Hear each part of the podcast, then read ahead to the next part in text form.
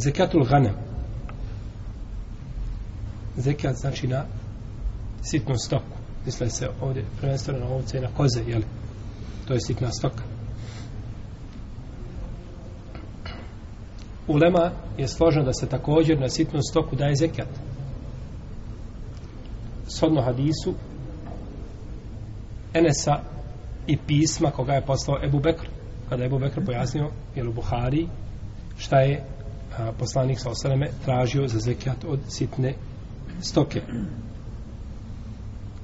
Pa, kada imamo sitnu stoku, ovce i koze, tada se spajaju.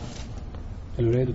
Pošto je to, znači ulazi, iako nisu od, u potpunosti od jedne vrste, no međutim, smatraju se sitnom stokom. Pa bi zekijat na sitnu stoku bio od 1 do 39 ništa. Znači, ako nema 40 ovaca, nema zekijata. Od 40 do 121 ovca, od 121 do 200 dvije od 201 do 300 idu tri i tako svaka stotina naprijed po jedna ovca.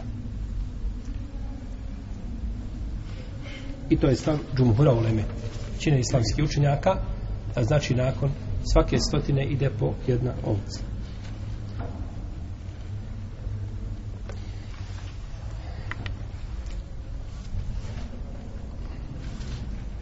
Jagnjad, propis jagnjadi. Da li imaju propis ovaca ili je propis drugačiji? Kažu neki islamski učenjaci da također jagnjad ulaze u ovaj propis i da se izdvaja od jagnjadi malo je li jagnje? Dok drugi kažu ne kupuje se ovca veća ili izdvaja se na njih veća ovca. Znači oni se broje kao šta?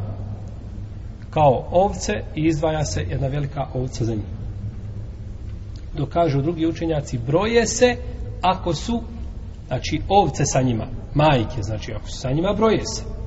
I tada ulaze. Pa kada ne bi napunio znači nisab ima na primjer 25 vaca, ne znam, i 15 jagnjadi. Jel u redu? Tada na, ima 40. Tada se broje u protivnom da ima samo jagnjad, ne broji se šta? Ne broji se. Mora znači biti sa njima osnova, a to su velike ovce. To je znači razilaženje među islamskim učenjacima.